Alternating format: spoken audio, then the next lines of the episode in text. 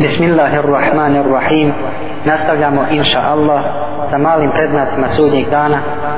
A sljedeći mali prednak sudnjeg dana bio bi nazivanje selama samo poznatim osobama. Od predznaka sudnjeg dana je da će čovjek nazivati selam samo onome koga poznaje. Ibn Mas'ud radijallahu anhu prenosi da je Allahu poslanik sallallahu alaihi ve sellem rekao zaista je od predznaka sudnjeg dana da će čovjek čovjeku nazivati selam a neće mu ga nazivati ni zbog čega drugog nego zato što ga poznaje. Hadis je sahih a prenosi ga imam Ahmed. U drugoj predaji se kaže pred kijametski dan nazivat će se selam samo nekim ljudima. Ovaj predznak sudnjeg dana se već ostvario a danas vidimo da ljudi nazivaju selam samo onome koga poznaju to je u suprotnosti sa sunnetom jer je Allahu poslanik sallallahu alaihi ve sellem podsticao da se naziva selam i onome koga poznajemo i koga ne, ne poznajemo. Poslanik sallallahu alaihi ve sellem je jedne prilike upitan koji islam je najbolji? On je odgovorio da nahraniš gladnog i da nazivaš selam i onome koga poznaješ i onome koga ne poznaješ. Hadis je sahih a prenosi ga El Buhari nazivanje selama povećava ljubav među ljudima a time se povećava iman, vjerovanje sa kojim će se ako Bog da ući u džennet. Ebu Hureyre radijallahu anhu prenosi da je Allahu poslanik sallallahu alaihi ve sellem rekao nećete ući u džennet dok ne budete pravi vjernici a nećete biti pravi vjernici dok se ne budete međusobno voljeli. Hoćete li da vas uputim na posao kada ga budete radili međusobno ćete se voljeti jedni drugima nazivajte selam. Hadis je sahih a prenosi ga muslim. Traženje nauke kod neznalica. Ebu Umejde el Džumehi radijallahu anhu prenosi da Allahu poslanih sallallahu alaihi ve sellem rekao tri su stvari od predznaka sudnjeg dana. Prvo je tražiti neuku kod neuki. Sahih hadis prenosi ga Ibn Mubarek. Abdullah Ibn Mubarek koji je premio ovaj hadis je upitan a ko su ti neuki? To su oni koji govore prema svojim herojima i nedozrelim mišljenjima. Odgovor je on. Također govoreći o takvim ljudima je rekao to su oni koji su uzimali znanje od neuki to jest od oni koji uvode i provode bid'ate novotarije u vjeri.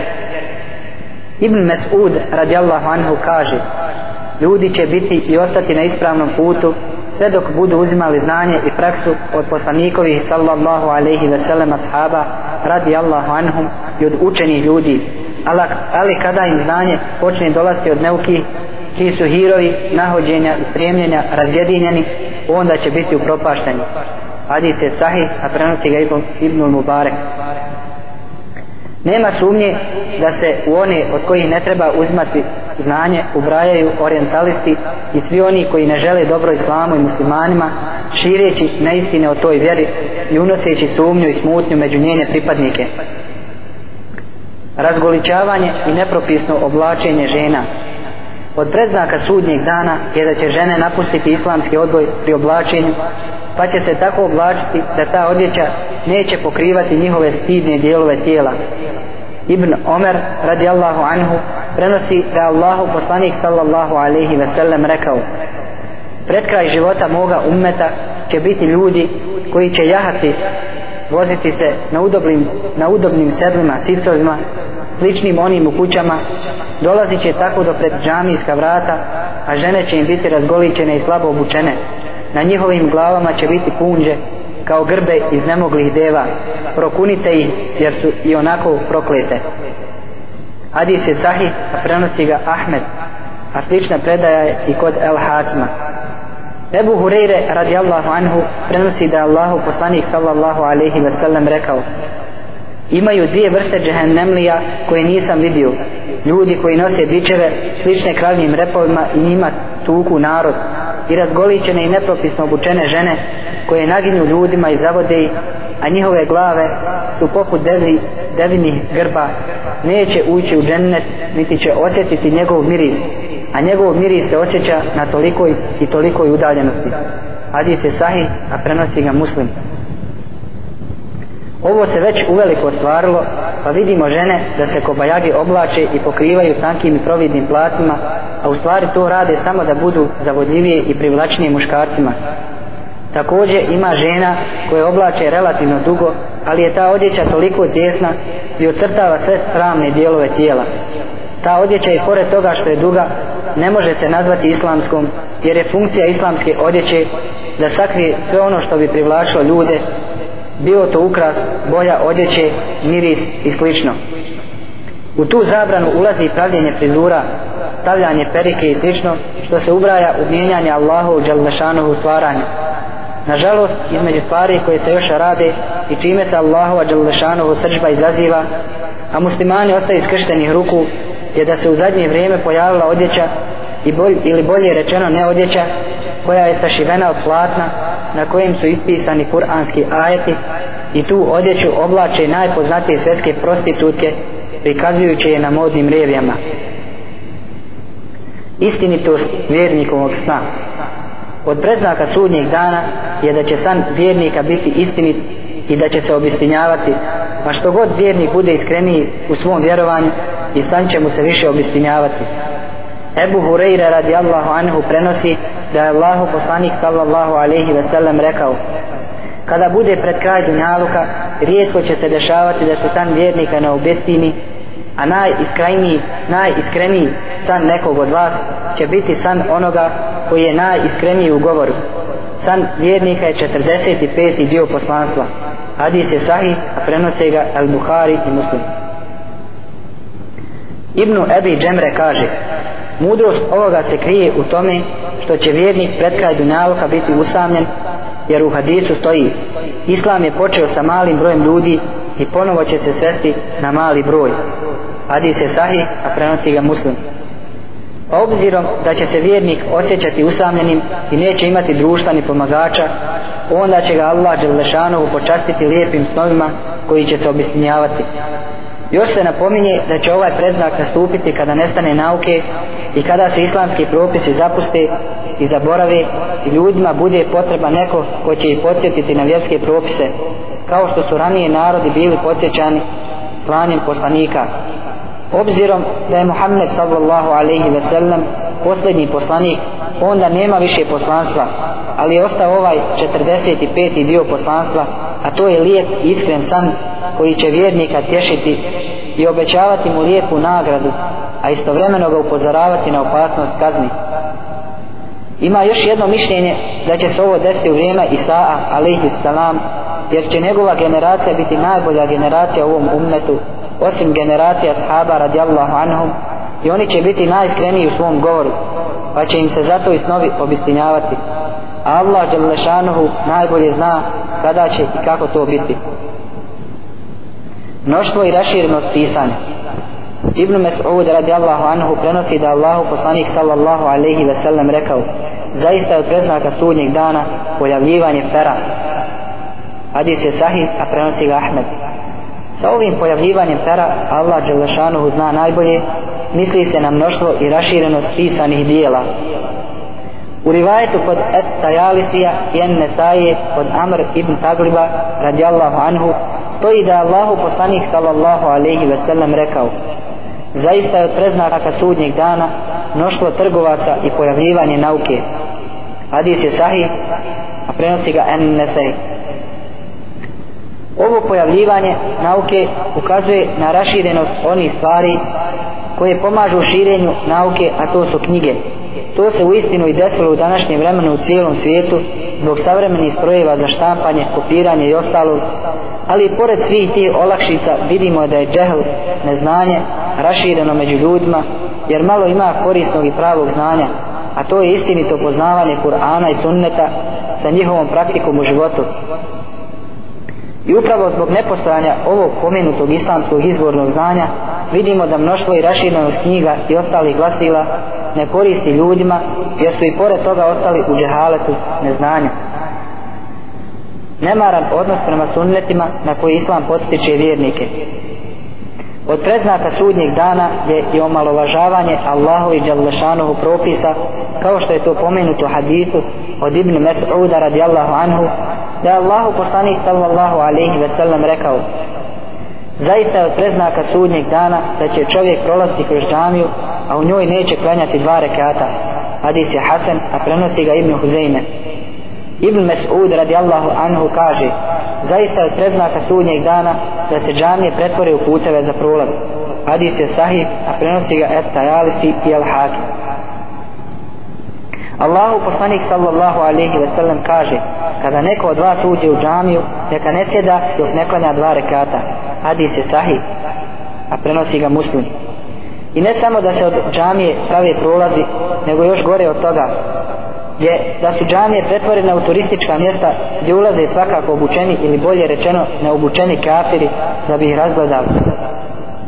Zna se da su džamije napravljene da se u njima čini zikr i obavlja ibadet, a ne da bude sjetište čopora turista koji krnije svetost ovih Allahu i kuća zbog neznatne materijalne koristi kao što se to događa u mnogim džamijama u Istanbulu i drugdje.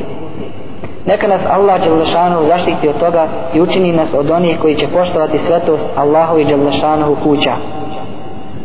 Debljina mjeseca mlađaka Abdullah ibn Mas'ud radijallahu anhu prenosi da Allahu poslanik sallallahu alaihi wa sallam rekao od predznaka blizine sudnjeg dana je da će mlađak biti debel. Hadis je Hasan a prenosi ga Tabarani. Ebu Hurere radijallahu anhu prenosi da Allahu poslanik sallallahu alaihi wa sallam rekao od predznaka sudnjeg dana je da će mlađak biti debel pa kada se vidi prve noći govorit će se da je to mlađak druge noći u mjesecu. Hadis je Hasan a prenosi ga Tabarani. Inače je mlađak od prve noći njegovog pojavljivanja izuzetno tanak, pa će se pred sudnji dan pojavljivati deblji nego što je to uobičajeno, te će zbog toga ljudi govoriti, ovo je mlađak drugog dana u mjesecu. Mnoštvo laži i, ne, i neprovjerenost u prenošenju vijesti. Ebu Hureyre radijallahu anhu prenosi da Allahu poslanik sallallahu alaihi ve sellem rekao pojavit će se pred kraj moga umeta ljudi koji će vam pričati o nekim stvarima za koje niste čuli ni vi ni vaši preci, pa ni pošto se ne družite sa njima da vas u zabludu i kušnju ne odvedu. Hadis je sahih, a prenosi ga muslim. Ibn Mes'ud radijallahu anhu kaže zaista se šeitan pretvori u lik čovjeka koji dođe ljudima i ispriča im lažnu vijest događaj pa kada se ti ljudi raziđu onda neko od njih to prepriča i kaže čuo sam čovjeka, znam ga iz viđenja, a ne znam kako se zove, da kaže to i to. Hadis je sahih, a prenosi ga muslim. Upravo zbog ovakvih stvari pridaje se važnost učenjacima hadisa, rahimehullah, koji su s velikom preciznošću pretražili lance hadisa i time razlučili sahih i hasan od daif hadisa. Pojavljivanje krivog svjedočenja, a skrivanje istinitog. Ibn Mas'ud radijallahu anhu prenosi da je Allahu poslanik sallallahu alaihi ve sellem rekao od predznaka sudnjeg dana je krivo svjedočenje, a skrivanje iskrenog svjedočenja. Hadis je sahih, a prenosi ga Ahmed.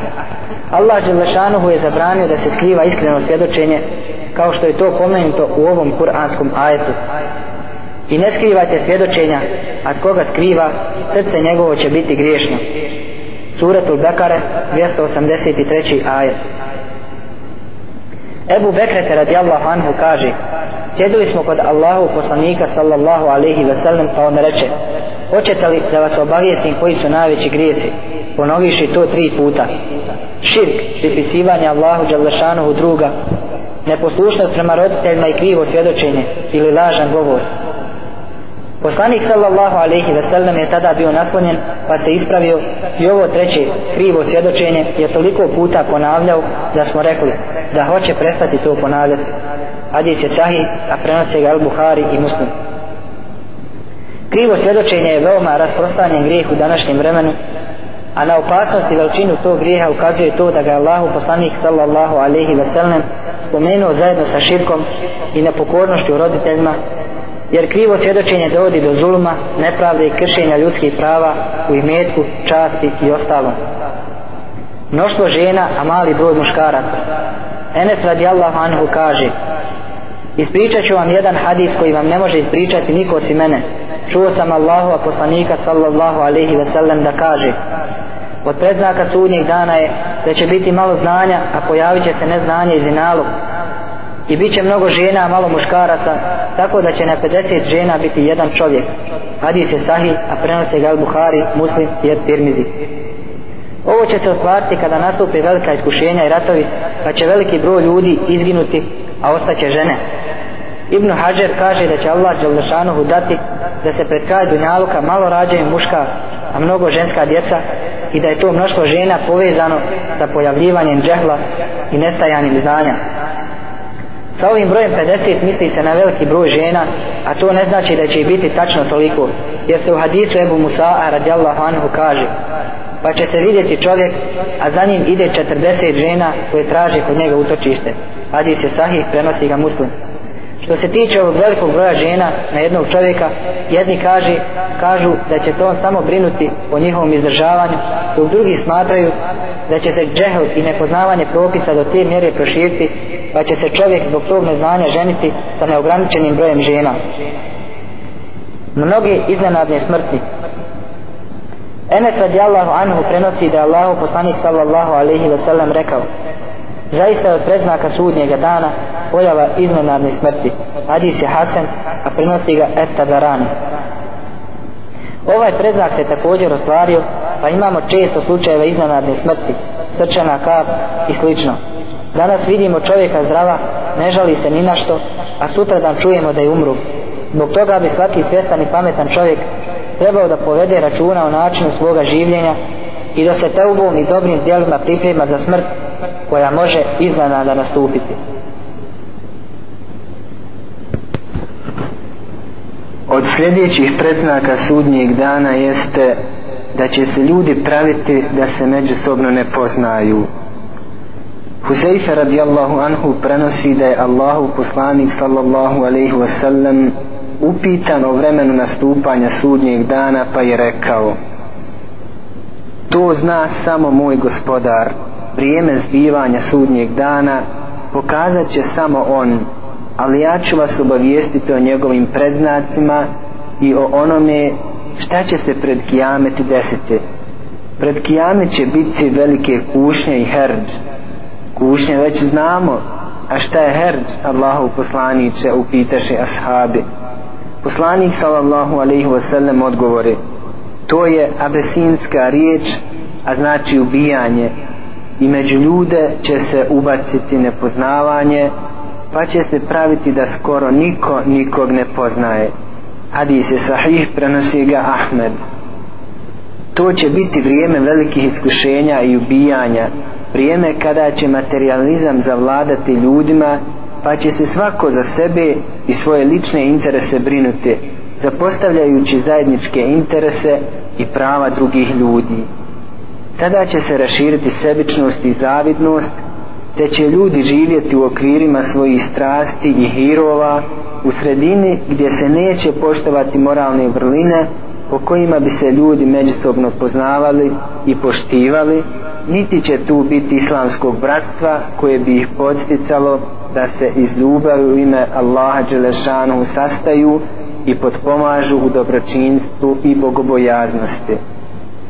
Et Taberani prenosi da su Ebu Ubejde i Muaz ibn Džebel radijallahu anhuma napisali Omeru radijallahu anhu pismo u kojemu poslije selama između ostalog pišu. Razgovarali smo o tome da će stanje ovog ummeta pred kijamet biti takvo da će braća u javnosti postati neprijatelji u tajnosti. Zatim je pomenuo Omerov radijallahu anhu odgovor njima dvojici radijallahu anhuma gdje se kaže upozoravate me da će stanje ovog ummeta pred kijamet biti takvo da će braća u javnosti postati neprijatelji u tajnosti. Pa dvojica niste takvi i ovo naše vrijeme nije to vrijeme.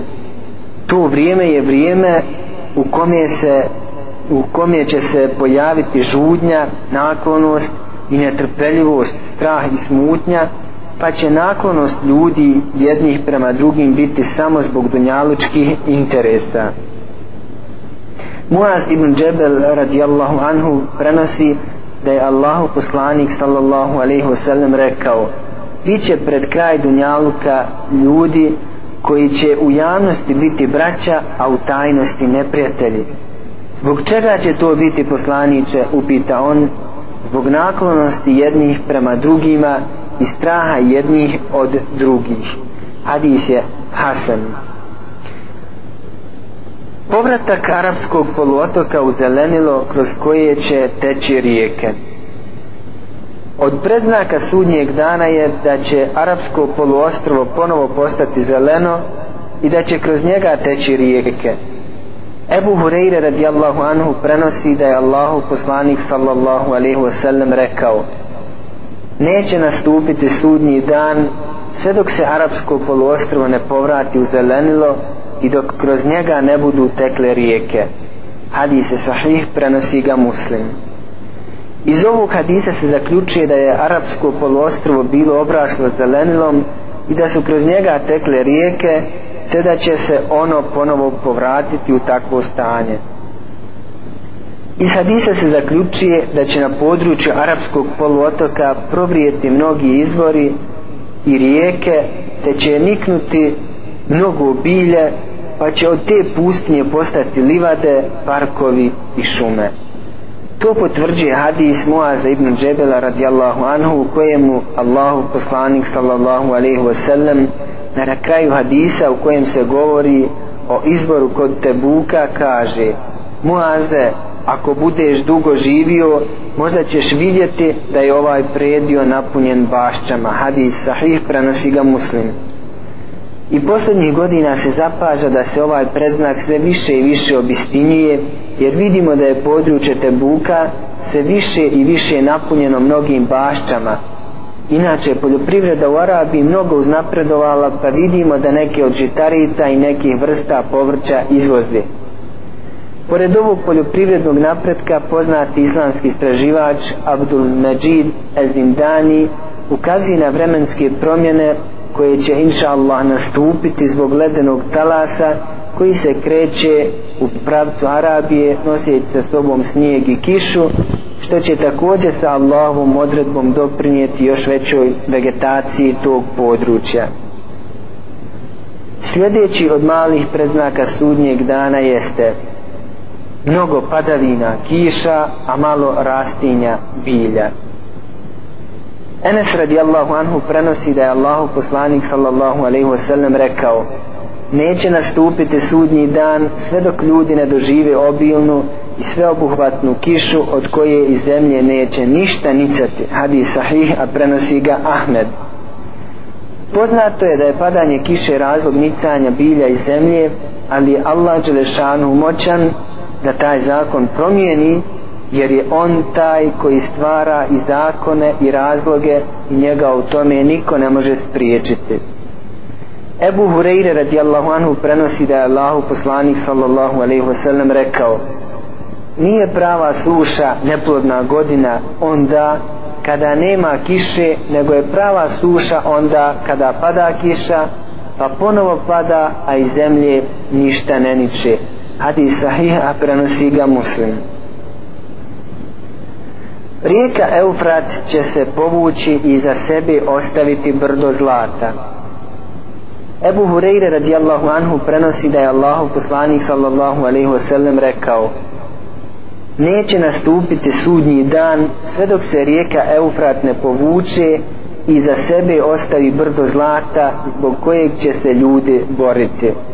Od svake stotine bit će ubijeno 99 ljudi, a svaki čovjek će tada govoriti da mi je da budem onaj koji će ostati živ. Hadis sahiha prenose ga Buhari i Muslim. Pojedinci su pokušali da prokomentarišu ovaj hadis sa pojavljivanjem nafte, ali to je neispravno mišljenje, jer se u hadisu spominje tačno rijeka Eufrat i brdo zlata koje će se na površini zemlje vidjeti poslije povlačenja vode, a naftu treba kopati sa velikih dubina. En Nevovi, rahimehullah, kaže da će se ovo brdo zlata pokazati kada voda Eufrata omani i povuče se ili će možda rijeka promijeniti svoje korito i tako će se otkriti brdo zlata koje je do tada bilo pokriveno prašinom te se nije znalo gdje se nalazi Poslanik sallallahu alaihi wasallam je uz najavljivanje ovog prednaka sudnjeg dana zabranio onome ko tu bude prisutan da od toga zlata išta uzme.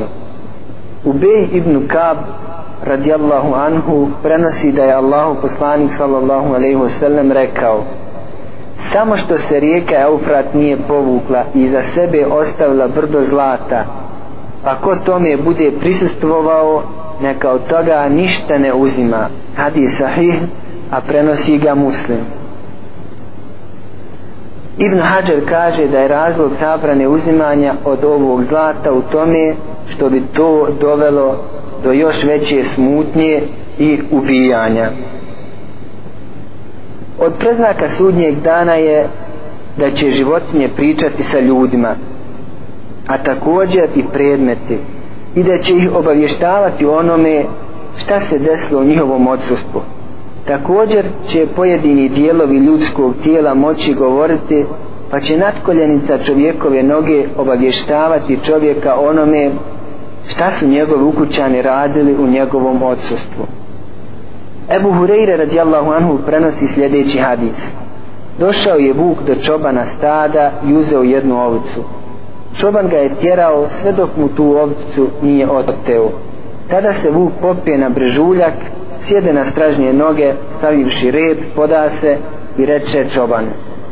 Uputio si se prema rizku i na faki kojom me Allah Đelešanu obskrbio i oteo si mi je.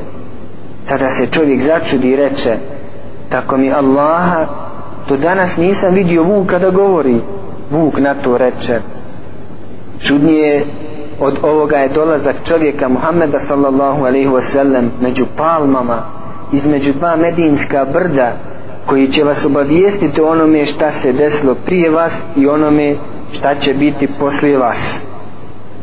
Taj čovjek je bio židov i došao je Muhammedu sallallahu alaihi wasallam i obavijestio ga o tom događaju. Poslanik sallallahu alaihi wasallam mu je to povjerovao, a zatim rekao to je jedan od predznaka sudnijeg dana i uskoro će doći vrijeme da će čovjek izići iz svoje kuće pa prije nego se vrati kući njegova obuća i njegov bić će ga obavijestiti o tome šta su njegovi ukućani poslije njega uradili. Hadis je sahih a prenosi ga Ahmed. A u predaji Ebu Sejda al-Hudrija radijallahu anhu na kraju ovog hadisa se ovako kaže tako mi onoga učio je ruce moja duša ovaj čovjek je rekao istinu. Neće nastupiti sudnji dan sve dok životinje ne budu razgovarale sa čovjekom a također i kićanka od njegovog bića i kajiš njegove obuće a njegova natkoljenica će ga obavještavati o tome šta je njegova familija uradila u njegovom odsustvu hadis je sahih a prenose ga At-Tirmizi i Ahmed. U navedenom hadisu vidimo da je Vuk razgovarao sa čovjekom i da se to desilo za života Muhammeda sallallahu alaihi wasallam pa se to može ponoviti i posle što će se i razgovor predmeta sa čovjekom također ostvariti jer je to poslanik sallallahu alaihi wasallam najavio.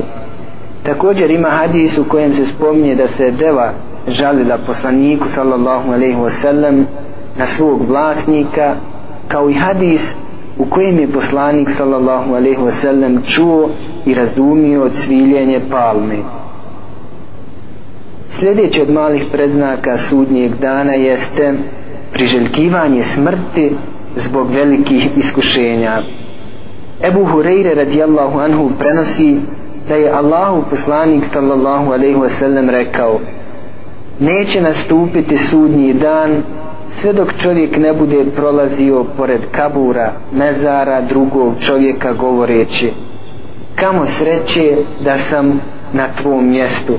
Hadis je sahih a prenosi ga Buhari. Ebu Hureyre radijallahu anhu u drugom hadisu prenosi da je Allahu poslanik sallallahu alaihi wasallam rekao tako mi onoga u čijoj je ruci moja duša neće se dunjaluk završiti sve dok čovjek ne bude prolazio pored kabura i zadržavao se pored njega govoreći kamo sreće da sam ja na mjestu vlasnika ovog kabura. Njega na to neće ponukati vjera nego težina iskušenja. Hadise sahih a prenosi ga muslim.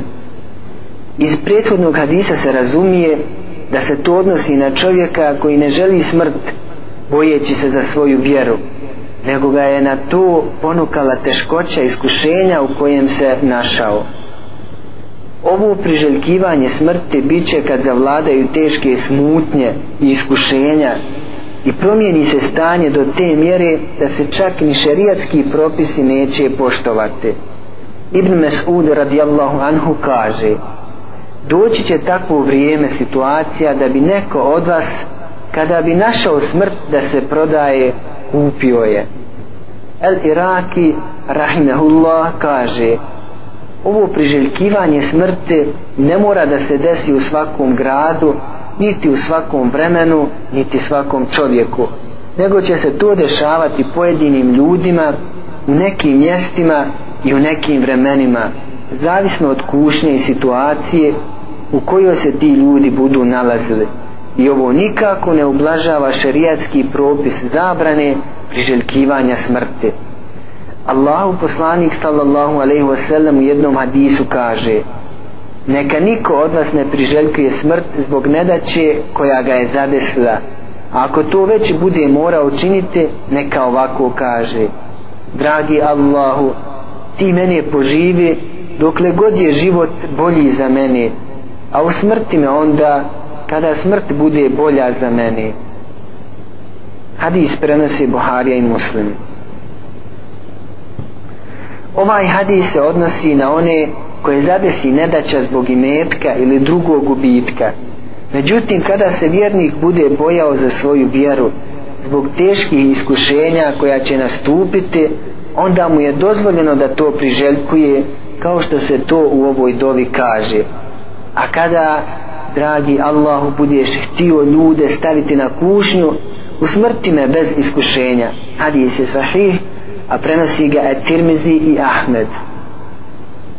Sljedeći od malih predznaka sudnjeg dana jeste mnoštvo rimsko-bizantinskih sljedbenika i njihova borba protiv muslimana. Allahu poslanik sallallahu alaihi wasallam je najavio da će kod nastupanja sudnjeg dana Pa Rimo-Bizantince biti najmnogobrojniji narod. U hadisu koji prenosi El Mustaurid El Kureši radijallahu anhu se kaže da je Allahu poslanik sallallahu alaihi wasallam rekao nastupit će kijametski dan a Rimo-Bizantinci će biti najmnogobrojniji narod. Hadis sahiha prenosi ga muslim. U hadisu Auf ibn Malika radijallahu anhu se kaže da mu je Allahu poslanik sallallahu alaihi wasallam rekao nabroj šest događaja, šest stvari prije sudnjeg dana pa je od toga pomenuo primirje između vas i Benil Aspera, rimobizantinaca pa će oni to primirje iznevjeriti i doći će vam sa vojskom raspoređenom ispod 80 barjaka pod svakim barjakom će biti 12.000 vojnika hadis sahiha prenosi ga Buharija. Ovaj sukob između muslimana i rimo-bizantinaca je opisan u hadisu koji prenosi Juseir ibn Džabir koji kaže u Kufi je zapuhao jak crveni vjetar pa jedan čovjek kojem to nije bio običaj dođe Abdullahu ibn Mas'udu radijallahu anhu i reče Abdullahu došao je kijametski dan Abdullah je bio oslanjen pa se uspravi i reče Kijametski dan neće nastupiti sve dok ne nastupi vrijeme u kome se neće ni nasljedstvo dijeliti niti će se radovati ratnom plijenu. Zatim je pokazao rukom u pravcu Sirije i rekao neprijatelji će se skupiti za borbu protiv muslimana i sakupit će se muslimani protiv njih. Misliš li na Rimo Bizantince upita. Da odgovore on i ta će bitka imati veliki odjek pa će muslimani poslati prvu grupu boraca da se bore do smrti i da se ne vraćaju osim kao pobjednice okršaj će trajati sve do noći pa će se oba dvije strane povratiti bez pobjednika. Kada grupa sva izgine muslimani će spremiti sljedeću grupu a da se ne vraća osim kao pobjednička borba će opet trajati sve do noći pa će se oba dvije strane vratiti bez pobjednika. I ova skupina muslimana će izginuti pa će četvrtog dana krenuti ono što je preostalo od muslimana pa će im Allah Đelešanu dati pobjedu. To će biti tako teška i neviđena bitka da čak ni ptica koja leti iznad njih neće ih nadletjeti a da neće pasti mrtva preživjeli će se tada prebrojavati pa će vidjeti da od jedne familije od koje je učestvovao stotinu ljudi nije ostao niko osim jedan čovjek pa kojem ratnom plijenu se radovati i koje nasljedstvo dijeliti. Oni će se još u toj situaciji nalaziti pa će čuti za još goru nevolju. Doće im neko ko će ih pozvati u pomoć i reći im da je uistinu Deđal poslije njih stigao do njihovih porodica. Bacit će ono što im je u rukama i krenut će prema njemu. Tada će poslati deset konjanika kao izvidnicu. Poslanik sallallahu alaihi wasallam reče ja zaista znam njihova imena imena njihovih očeva i boje njihovih konja i oni su najbolji konjanici toga vremena na zemlji. Ili je rekao od najboljih konjanika tog vremena na zemlji. Hadis sahih a prenosi ga muslim. Ova bitka će se odigrati u području Sirije pred kraj Dunjaluka pred pojavljivanje Deđala kao što je to u hadisima naglašeno. I ova pobjeda muslimana protiv Rimo-Bizantinaca bit će priprema za osvojenje Tarigrada Istambula. Ibnul Munejir kaže ovaj sukob sa Rimo-Bizantincima se nije još dogodio niti je do nas doprla vijest da su oni u ovoliko pomenutom broju vodili kopnenu bitku ali ovaj hadis nam donosi poruku i radosnu vijest da će muslimani na kraju biti pobjednici bez obzira na veliki broj protivničke vojske. Osvojenje Carigrada odnosno Istambula i Rima od predznaka blizine sudnjeg dana je osvojenje Carigrada, Istambula i Rima, kao što je to Allahu poslanik sallallahu alaihi wasallam najavio. Ebu Hureyre radijallahu anhu prenosi da je Allahu poslanik sallallahu alaihi wasallam rekao neće nastupiti sudnji dan sve dok Rimo-Bizantinska vojska ne dođe do El Eamata ili do Dabika pa će se prema njima uputiti muslimanska vojska iz Medine. I to će biti najbolji ljudi tog vremena. Kada se te dvije vojske sretnu Rimo-Bizantinci će reći pustite nas i one naše koji su zarobljeni pa su onda prešli u vašu vjeru da se obračunamo muslimani će odgovoriti ne, tako nam Allaha nećemo vam prepustiti našu braću. I bitka će početi pa će trećina muslimanske vojske pobjeći i biti poražena. I to su oni čije pokajanje Allah Đelešanuhu neće nikada primiti druga trećina će poginuti i to su najbolji šehidi kod Allaha Đelešanuhu zadnja trećina će izvojevati pobjedu i oni nikada neće biti stavljeni na kušnju i oni će osvojiti Carigrad. Hadis je sahih, a prenosi ga muslim. Abdullah ibn Amr radijallahu anhu kaže jednom prilikom smo bili kod Allahovog poslanika sallallahu alaihi wasallam i nešto pisali kada ga neko upita koji grad će prvo biti osvojen Carigrad ili Rim Heraklin grad će biti prvi, to je stari grad, odgovori poslanik sallallahu alaihi wa sallam. Hadith je sahih, a prenose ga Ahmed i El Hakim. Ebu Hureyre radijallahu anhu prenosi da je Allahu poslanik sallallahu alaihi wa sallam upitao jeste li čuli za grad čiji je jedan dio na kopnu a drugi dio na moru jesmo Allahu poslaniće odgovoriše ashabi neće nastupiti sudnji dan sve dok ga ne napadne 70.000 Ismailovih potomaka.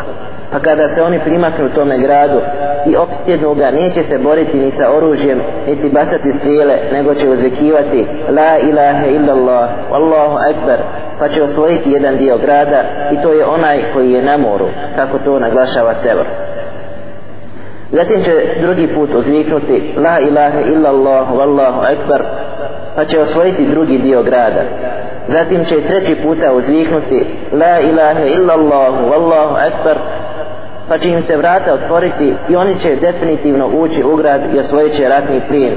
i dok oni budu dijelili plin, doći će im glasnik i obavijestiti ih da se Dajjal već pojavio pa će oni sve to ostaviti i vratiti se hadis je sahih a prenosi ga muslim.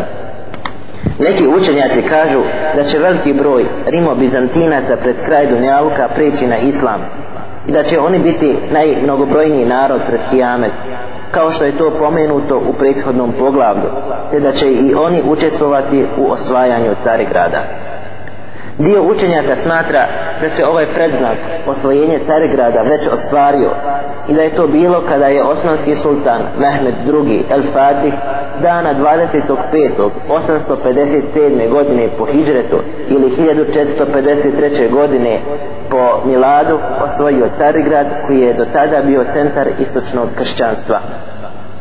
Time je Carigrad postao glavni grad islamske države i dobio je ime Islambul, to je glavni grad Islama, pa je kasnije turskim izgovorom preimenovan u Istanbul. Zbog toga se smatra da je Mehmed el Fatih, rahmehullah, taj divni vojskovođa koji je najavljen u hadisu u kojim Allahu poslanik sallallahu alaihi wasallam kaže Sigurno će Carigrad biti osvojen, pa divan je vojskovođa taj čovjek i divna li je ta vojska koja će to ostvariti. Hadis je sahih, a prenosi ga Ahmed i El Hakim. Međutim, kada su se muslimani udaljili od svoje časne vjere i prepustili se dunjalučkim uživanjima, zadasila ih je slabost koju su nevjerničke zemlje iskoristile i srušile hilafet, čime je Carigrad ponovo pao u nevjerničke ruke. Drugo mišljenje učenjaka je da se ovaj preznak još nije ostvario, jer je ovo osvojenje Carigrada bilo sa oružjem, a osvojenje koje je poslanik sallallahu alaihi wasallam pred kijamet najavio će biti bez borbe, a oružje će biti tekbir i la ilaha illallah. Po mišljenju ovih učenjaka, ovo Mehmed El Fatihovo osvojenje Carigrada smatra se samo kao uvod i priprema za glavno osvojenje. To potvrđuje činjenica da je hilafet srušen i da Carigradom danas vladaju nevjernici pa mora doći do njegovog ponovnog oslobađanja. Među ostalima koji se drže ovog mišljenja je i poznati učenjak Ahmed Šakir koji kaže da će do ovoga u hadisu najavljenog osvojenja doći kada se muslimani povrate svojoj vjeri od koje su se znatno udaljili. To su ta dva mišljenja oko osvojenja Carigrada, a Allah Đelešanuhu najbolje zna, a što se tiče osvojenja Rima, on još nije osvojen. Ali nema sumnje da će do toga doći, jer je to Allahu poslanik sallallahu alaihi wasallam u sahih hadisu najavio. Čovjeka iz loze Kahtana od preznaka sudnjeg dana koje je Allahu poslanik sallallahu alaihi wa sallam najavio je i dolazak čovjeka iz loze kahtana kojim će narod biti poslušan zbog njegove strogosti i nasilja. Ebu Hureyre radijallahu anhu prenosi da je Allahu poslanik sallallahu alaihi wa sallam rekao neće nastupiti sudni dan sve dok se ne pojavi čovjek iz loze kahtana koji će goniti ljude sa svojim štapom hadis je sahih a prenosi ga Buhari, Muslim i Ahmed ibn Hanbel. ovo će se desiti pred kraj Dunjaluka kada se usmrte svi vjernici i kada se situacija toliko pogorša i izmijeni pa je zbog toga El Buhari uvrstio ovaj hadis u poglavlje o pogoršavanju situacije do te mjere da će se kipovi obožavati. Kahtanjevo gonjenje ljudi sa štapom se može dvojako razumjeti. Da će ih u istinu goniti kao što se stoka goni jer će on sa njima grubo postupati. Drugo mišljenje je da ovaj štap ukazuje na njihovu pokornost njemu i da će on njima zapovjedati što također ukazuje na njegovu strogost i nasilje. Što se tiče njegove strogosti prema ljudima, neki učenjaci smatraju da, da će on biti strog i grub samo prema griješnostima i zlim ljudima, a on je sam u osnovi dobar čovjek koji će pravedno postupati. To potvrđuje i rivajet od Abdullaha ibn Amra radijallahu anhu u kojem je on pominjao halife pa je rekao i čovjek iz Kahtana. Također se prenosi da je Ibn Abbas radijallahu anhu u vezi ovog Kahtanca rekao i čovjek iz Kahtana svi će biti dobri ljudi. Neki učenjaci smatraju da se pod ovim kahtancem misli na džehđaha koji je također najavljen u jednom drugom hadisu. Međutim, ispravno je mišljenje da ovo nije džehđah jer će džehđah biti poreklom rob, a ovaj kahtanac će biti od slobodnih ljudi. Evo hadisa u kojem je džehđah najavljen, Ebu Hurire radijallahu anhu prenosi da je Allahu poslanik sallallahu alaihi wasallam rekao Neće se dani i noći završiti sve dok ne zavlada čovjek od robova koji će se zvati džehidža. Hadis je sahih, a prenosi ga Muslim i Ahmed.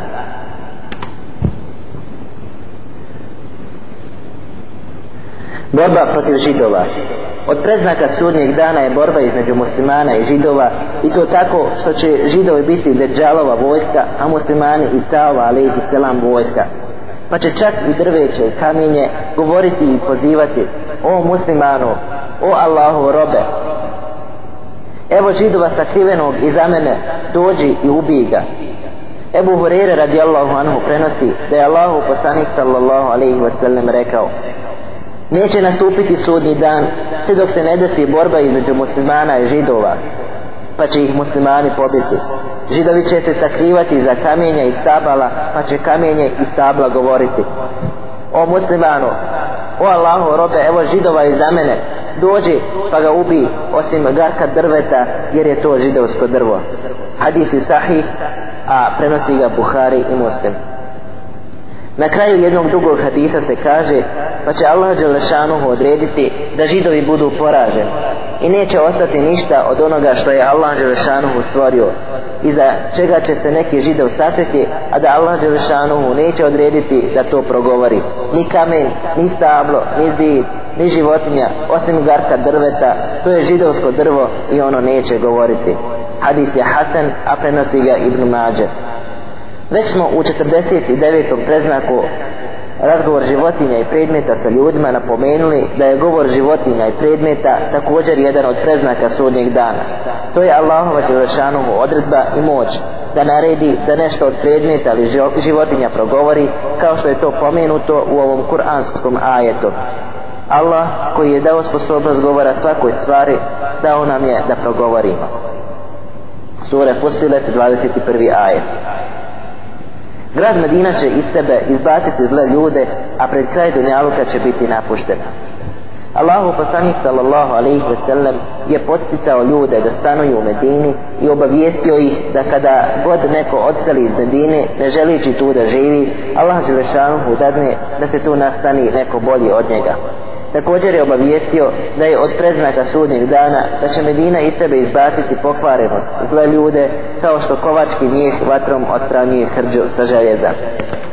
Doći će vrijeme pa će se mnoge zemlje osvojiti i loši ljudi će pohrliti u rahatuk i blagostanje napuštajući Medinu tako da u njoj neće ostati niko osim dobrih, bogobojaznih i strpljivih vjernika i to će biti predznak sudnjeg dana. Ebu Hureyre radijallahu anhu prenosi da je Allahu poslanik sallallahu alaihi wasallam rekao doći će vrijeme pa će čovjek zvati svoga rođaka i Amidžića govoreći hajmo iz Medine u rahatu hajmo u izobilje i udoban život a Medina im je bolja samo da oni znaju tako mi onoga u čijoj je ruci moja duša. Neće niko od njih izići iz Medine ne želeći život u njoj a da Allah Đelešanuhu neće tu nastaniti onoga koji je bolji od njega. Zaista je Medina kao kovački mijeh koji čisti prljavštinu. Neće nastupiti sudnji dan sve dok Medina ne očisti iz sebe loše ljude kao što kovački mijeh vatrom čisti hrđu sa željeza. Hadis je sahih a prenosi ga muslim. Al-Kadi ja smatra da se ovo čišćenje Medine odnosi na vrijeme Muhammedovog sallallahu alaihi wasallam života jer munatici nisu bili strpljivi da ostanu u Medini posle hijre. En Nebevi kaže da će to biti u vrijeme Dejjala. Ibn Hajar kaže da se to može odnositi na oba pomenuta vremena navodeći ove dokaze. Džabir radijallahu anhu prenosi da je jedan Arab došao Allahu poslaniku sallallahu alaihi wasallam u Medinu i dao mu bejo prisegu na vjernost islamu. Sutra dan je taj čovjek ponovo došao, a već ga je zadesla groznica koja je tada vladala u Medini rekao oslobodi me prisege. To je poslanik sallallahu alaihi wasallam tri puta odbio da učini, a zatim je rekao Medina je kao kovački mis čisti prljavštinu, a osvjetljava dobro. Hadis je sahih, a prenosi ga Buhari. Dokaz za drugo mišljenje koje se odnosi na vrijeme Dajjala je hadis koji prenosi Enes ibn Malik radijallahu anhu da je Allahu poslanik sallallahu alaihi wasallam rekao nema grada a da Dajjal u njega neće ući osim Mekke i Medine na svakom prilazu bit će poredani meleki koji će ih čuvati Zatim će se Medina tri puta zatresti i iznjeće Allah Đelešanuhu istirati svakog kafira i munafika. Hadis je sahih, a prenosi ga Buhari. Što se tiče ostalog vremena, osim Muhammedov sallallahu alaihi wasallam doba i dađala, ovi hadisi se ne odnose na to vrijeme, niti na te ljude, jer je veliki broj ashaba radi Allahu anhum i drugih ljudi izašao iz Medine radi širenja vjere, radi trgovine, džihada i drugih potreba. A u pomenutom hadisu je naglašeno da se to odnosi na onoga koji iziđe iz Medine ne želeći živjeti u njoj. Medina će pred nastupanje sudnjeg dana biti nenaseljena, pusta, kao što je to najavljeno u hadisu koji prenosi Ebu Hureyre radijallahu anhu, da je Allahu poslanik sallallahu alaihi wasallam rekao Napustit ćete Medinu u najboljem njenom stanju i u njoj neće ostati samo divljači ptice, a posljednji koji će ući prema mašćaru bit će dvojica čobana iz plemena muzejne koji će htjeti da navrati u Medinu tjerajući svoju stoku pa će zateći pustu od ljudi a punu divljači. I kada stignu do sanijetu veda pašće obojica mrtvi. Hadis je sahih a prenosi ga Buhari. Malik u Muvetavu spominje hadis od Ebu Hurere radijallahu anhu da je Allahu poslanik sallallahu alaihi wasallam rekao napustit ćete Medinu u najljepšem njenom stanju, pa će čak pas ili vuk ući i mokriti po stubovima poslanikovi sallallahu alaihi wasallam džamije ili po mimberi. Allahu poslaniće, a kome će tada pripasti plodovi i usjevi, upitaše ashabi radijallahu anhum. Divljače pticama odgovori poslanik sallallahu alaihi wasallam. Ibn Kathir kaže iz spomenutog se zaključuje da će Medina biti nastanjena za vrijeme Dajjala a takva će biti i poslije dolaska Allahovog poslanika Isa, sina Marijemina alaihisselam, koji će umrijeti u Medini i u njoj će biti pokopan a poslije toga će Medina biti napuštena. Zatim je Ibn Kathir spomenuo hadis Omera radijallahu anhu koji prenosi da je Allahu poslanik sallallahu alaihi wasallam rekao U istinu će doći vrijeme, pa će konjanik prolaziti pored Medine i reći će, zaista je ovdje nekada mnogo muslimana živjela. Hadis je sahih, a prenosi ga Ahmed. Auf ibn Malik radijallahu anhu prenosi da je Allahu poslanik sallallahu alaihi wa sallam ušao u džamiju, pogledao nas i rekao, tako mi Allaha, zaista će Medinu njeni stanovnici prepustiti životinjama, poniženo 40 godina, znate li kojim životinjama, pticama i divljači? Hadis je sahih. Ovo znači da će ljudi potpuno napustiti Medinu pred sami Kijamet, poslije Dejjala i poslije Silaska Isa alaihi selam kao što smo već to napomenuli a moguće je da će ovo potpuno napuštanje Medine biti kada se pojavi velika vatra koja će ljude goniti prema mahšeru a ta vatra je inače posljednji veliki predznak sudnjeg dana odnosno ona je prvi znak da je kijamet već nastupio kao što ćemo to ako Bog da pomenuti u govoru o velikim predznacima. Slanje blagog vjetra koji će usmrtiti vjernike. Jedan od utješujućih i lijepih predstavka sudnjeg dana je da će Allah Đelešanuhu dati blagi vjetar koji će usmrtiti sve vjernike, tako da neće na zemlji ostati niko da govori Allah, Allah, nego će ostati samo najgori ljudi nad kojima će se desiti strahote kijameskog dana. Kaže se da će ovaj vjetar biti blaži i nježniji od svile, pa će vjernici na taj način biti počašteni od Allaha Đelešanuhu u tim teškim vremenima punim iskušenja i belaja. Kada će doći taj vjetar? U drugom hadisu koji prenosi An-Nevas ibn Seman radijallahu anhu poslije spominjanja Deđala dolaska Isa alaihi zatim pojavljivanje naroda Jeđuđ i Međuđ se kaže pa će Allah Đelešanuhu poslati blagi vjetar koji će ljude uzeti ispod njihovih pazuha i uzet će dušu svakom mu'minu i muslimanu tada će ostati najgori ljudi koji će se međusobno spolno općiti kao što to rade magarci i nad njima će biti kijamet. Hadis je sahih, a prenosi ga muslim.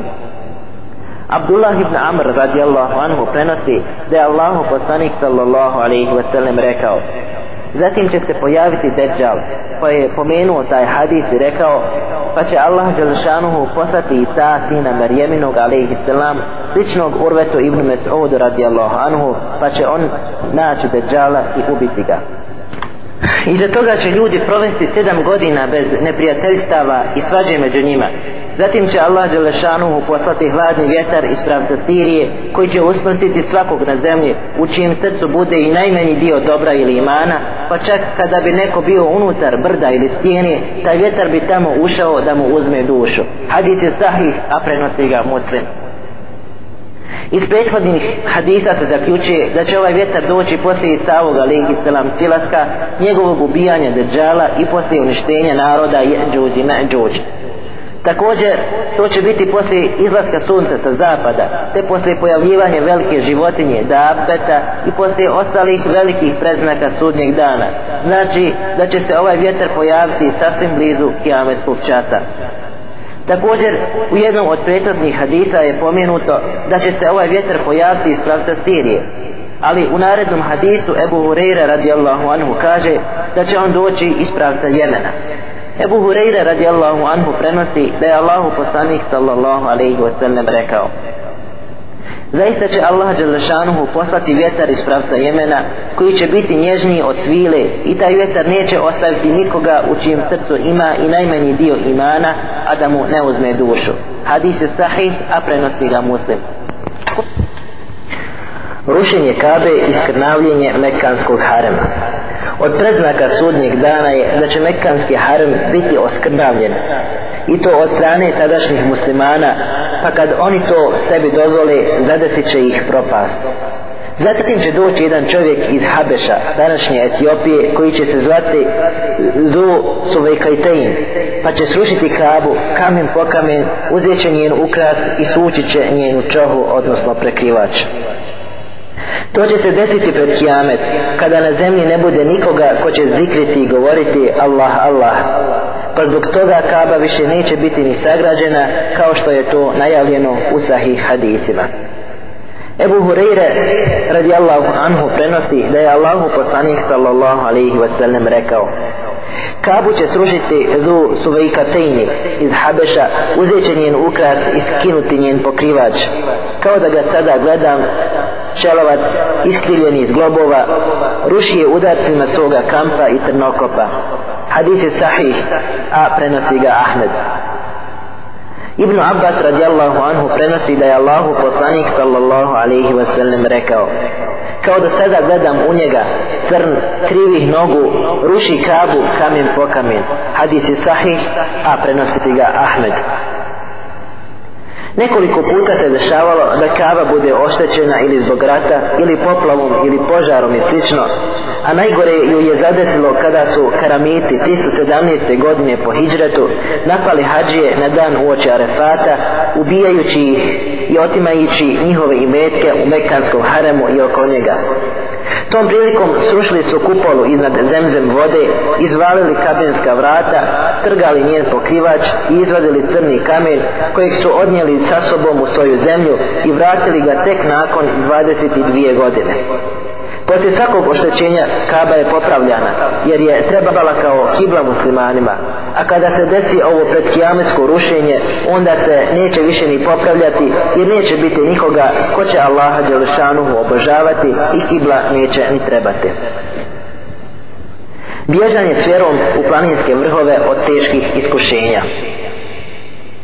Mustafa Šelebi u svojoj knjizi mali preznaci sudnjeg dana je ovo naveo kao poseban preznak sudnjeg dana mada bi se mogao svrstati u 12. preznak koji smo spomenuli a to je pojavljivanje iskušenja Ebu Sa'id el-Hudri radijallahu anhu prenosi da je Allahu poslanik sallallahu alaihi wasallam rekao samo što nije nastupilo vrijeme kada će muslimanu najbolji imetak biti sad ovaca sa kojim će se on penjati po planinskim vrhovima tražeći kišu, pašnjake i bježeći sa svojom vjerom od iskušenja hadis je sahih a prenosi ga Buhari, Malik, Ebu Davud, en Nesai nema sumnje da je najvrijednije što čovjek posjeduje njegova vjera i u vjeri mu je spas u svim situacijama i sreće na oba dva svijeta pa je zbog toga iskušenje i nesreća u vjeri najteže i najopasnije iskušenje jer su sva druga iskušenja lakše podnošljiva. Allahu poslanik sallallahu alaihi wa sallam je često u dobi učio Dragi Allah, ti ne da da naša nesreća, iskušenje bude u našoj vjeri i ne dozvoli da nam dunjaluk bude najvažniji. Hadis je sahih, a prenosi ga Tirmizi i Hakim. Iz ovog hadisa se zaključuje da je dozvoljeno osamljivanje, pa čak i preporučivo onome ko se boji za svoju vjeru od iskušenja ili grijeha. Međutim, za onoga ko se ne boji da će pasti u iskušenje ili grijeh, bolje je da živi sa ljudima, da širi vjeru, poziva na dobro i odvraća od zla. Zajedničko neprijateljstvo kafirskih zemalja protiv islamskog umeta od preznaka sudnjeg dana koje je Allahu poslanik sallallahu alaihi wasallam najavio je otvoreno neprijateljstvo i zajednički napad svih neprijatelja Islama kako sa istoka tako i sa zapada na islamske zemlje sa ciljem uništavanja svakog traga snage i otpora kod muslimana da bi nakon toga slobodno mogli iskorištavati dobra koja se nalaze kod islamskog svijeta. Seuban radijallahu anhu prenosi da je Allahu poslanik sallallahu alaihi wasallam rekao Navalit će na vas nevjednički narodi kao što gladni navali na svoju tepsiju. Ili zbog toga što će nas tada biti malo, upita neko od ashaba. Nije, vas će tada biti mnogo, ali ćete vi biti kao pjena koju nosi poplava. Allah Đelešanuhu će iz srca vaših neprijatelja ukloniti strah prema vama, a u vaša srca će ubaciti vehen. A šta je vehen Allahu poslaniće, upitaše ashabi. Ljubav prema dunjalku i strah od smrti, odgovori poslanik sallallahu alaihi wa sallam. Hadis je sahih, prenose ga Ebu Davud i Ahmed. Kada pogledamo historiju događaja kroz koje je prošao islamski umet, vidimo da se ovo već nekoliko puta desilo. Kroz krstaške ratove, napad Tatara na islamske zemlje, zajednička urota i učešće svih kafirskih zemalja u rušenju hilafeta, te njihova podjela islamske imovine i tome slično. Međutim, danas vidimo mnogo jasniju sliku tog njihovog neprijateljstva i zajedničkog uništavanja muslimana i svega što posjeduju. Sve to ukazuje da odavno postoji plan za iskorištavanje naših dobara i ponižavanje islama i muslimana. Razlozi koji su nas doveli u ovakvo stanje su pomenuti i u hadisu. Nije zbog toga što nas je malo, nego zbog toga što smo se predali dunjalku, zavoljali ga, a napustili džihad, borbu na Allahovu putu i zbog toga nas se naši neprijatelji više ne boje. Također, kada pogledamo stanje u islamskom svijetu, vidimo razjedinjenost, neslogu, svađu, pa čak i međusobne ratove. Mi muslimani vrlo lako nasjedamo i padamo u kopke koji nam postavljaju naši neprijatelji. Molimo Allah Đelešanuhu da islamski umet objedini, povrati hilafet, tako da muslimani ponovo budu sposobni da brane sebe, a i sve druge kojima se zulum nanosi. Amin. Izbjegavanje predvođenje džemata od strane klanjača. Od ružnih preznaka sudnjeg dana je da će se ljudi u džamijama nečkati da iko od njih bude imam, pa će svako gurati drugoga izbjegavajući da on bude imam. Selameta bintu El-Hor prenosi da je Allahu poslanik sallallahu alaihi wasallam rekao Zaista je od predznaka sudnjeg dana da će u džamijama jedan drugoga gurati da bude imam nemajući nekog sposobnog da im klanja. U drugom hadisu se kaže doći će vrijeme pa će ljudi stajati po sat vremena ne nalazeći nikoga da im bude hođa. Hadis je dair, a prenosi ga Ibn Mađe i Ahmed. Kao što sam napomenuo, svi ovi hadisi su slabi daif, ali je činjenica da se ovo što se spominje u njima već ostvarilo. Pa često prisustvujemo prilikama gdje se ljudi nečkaju da predvode džemad, ponekad zbog neznanja, a ponekad i zbog nekih drugih razloga. Učači Kur'ana, a griješnici i klanjači ne znali se. Enes radijallahu anhu prenosi da je Allahu poslanik sallallahu alaihi wasallam rekao Pred kraj Dunjaluka bit će klanjača koji obožavaju Allaha Đelešanuhu, neznalica i učača Kur'ana, a griješnika. Hadis je daif, a prenosi ga Ebu Nuaym. Kurtobi poslije navođenja ovog slabog hadisa kaže da slab je lanac prenosilaca, ali mu je značenje ispravno i to se uveliko ostvarilo. Mekhul kaže, doći će vrijeme pa će učenjaci biti gori, smrdljiviji od magareće lešine.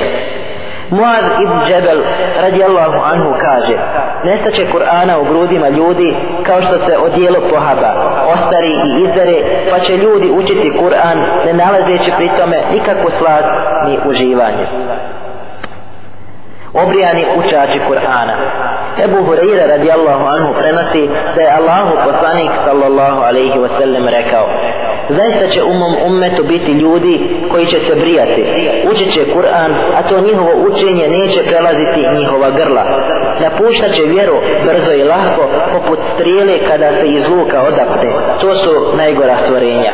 Hadis je sahih, a prenose ga Ahmed i Muslim.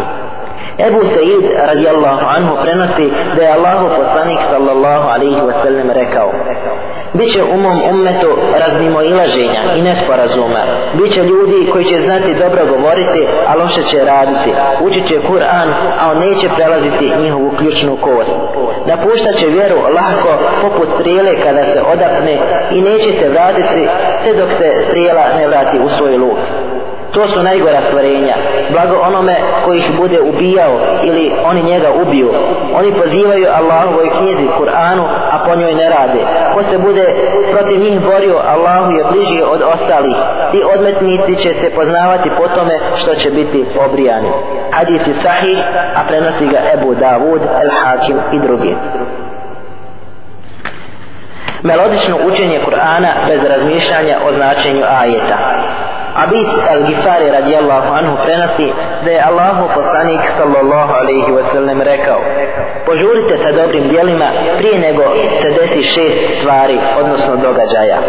Vladavine gupaka, mnoštva policije, odnosno zulumčara, prekidanje rodbinskih veza, prodavanje vlasti, mnoštva nepotrebnog ubijanja, skupine mladića koji će od učenja Kur'ana praviti ceremoniju glasova. Oni će za imamima postavljati čovjeka koji je niti najučeniji, niti je onaj koji najbolje poznaje fikske propise. Birat će ga samo zato da im lijepo i melodično uči. Hadis je sahih, a prenosi ga Buhari, Ahmed i Taberani. Onaj ko se u ovom vremenu bude čvrsto držao svoje ispravne vjere, bit će kao onaj koji na svom dlanu drži žeravicu i imaće nagradu kao 50-torica ashaba. Enes radijallahu anhu prenosi da je Allahu poslanik sallallahu alaihi wa sallam rekao doći će vrijeme u kojem će onaj koji se bude strpljivo pridržavao svoje vjere biti kao čovjek koji u svojoj ruci drži žeravicu. Hadis je sahih, a prenose ga Ahmed ibn Hibban. Ibn Mas'ud radijallahu anhu prenosi da je Allahu poslanik sallallahu alaihi wasallam rekao doći će iza vas vrijeme strpljivosti i ko se tada bude čvrsto držao svoje vjere imaće sela kao 50 šehida hadis je sahih a prenosi ga taberani Nestanak skrušenosti u namazu. Huzeyfe ibn Jemani, radijallahu anhu, prenosi da je Allahu poslanik sallallahu alaihi wasallam rekao Prvo što ćete od svoje vjere izgubiti je skrušenost u namazu, a posljednje što ćete napustiti je namaz. Zaista će se čvorovi islama razazivati čvor po čvor. Čak će doći vrijeme pa će žene u vrijeme menstruacije klanjati. Hadis je sahih, a dakle to će se nepoznavanje vjerskih propisa raširiti da se ni osnovne stvari neće poznavati. Šedad ibn Eus radijallahu anhu prenosi da je Allahu poslanik sallallahu alaihi wasallam rekao prvo što će biti od ljudi uzeto je skrušenost u namazu. Hadis je sahih, a prenosi ga taberan. Ovo se uveliko ostvarilo pa vidimo da se ljudi u namazu ne ponašaju skrušeno kao da ne stoje pred tvocem svih cvjetova. Jednom prilikom je poslanik sallallahu alaihi wasallam vidio čovjeka da u namazu vladi bradu pa je rekao što se tiče ovoga da mu je srce skrušeno bile bi i ruke. Ubade ibn Samit radijallahu anhu kaže prvo što će od ljudi biti uzeto jeste skrušenost i uskoro će nastupiti vrijeme da kada uđeš u džamiju nećeš moći naći skrušenog klanjača. Hadis je Hasan, a prenosi ga et-Tirmizi. Čovjekova zadivljenost svojim mišljenjem. Ovo je također jedna pojava koju nažalost sve češće i češće viđamo. Ljudi se dive svom sobstvenom mišljenju i stavu i nisu u stanju da prime ničije drugo mišljenje, nego su čak u stanju ako treba i fizički, a ne samo jezikom, da uporno brani svoje pogrešno mišljenje i nisu spremni da svom bratu kažu u pravosti, hvala ti, neka te Allah nagradi i tome slično. Ti ljudi kao da nikada nisu čuli poznatu izreku imama Šafije, rahimehullah, koji kaže nikada da nisam raspravljao s čovjekom, a da nisam poželio da istina, odnosno jače mišljenje, izađe iz njegovih usta. Omer radijallahu anhu kaže ono od čega se za vas najviše bojim je škrtost kojoj se pokorava strast i hirovi koji se slijede i čovjekova zadivljenost svojim mišljenjem a ovo zadnje je najopasnije Uzeifa radijallahu anhu kaže ono čega se za vas najviše bojim je da dadnete prednost onome što smatrate nad onim što u istinu znate pa da zalutate a to i ne osjetite. Neka nas Allah Đelešanuhu zaštiti od svih ovih iskušenja. Halifa koji će mnogo dijeliti.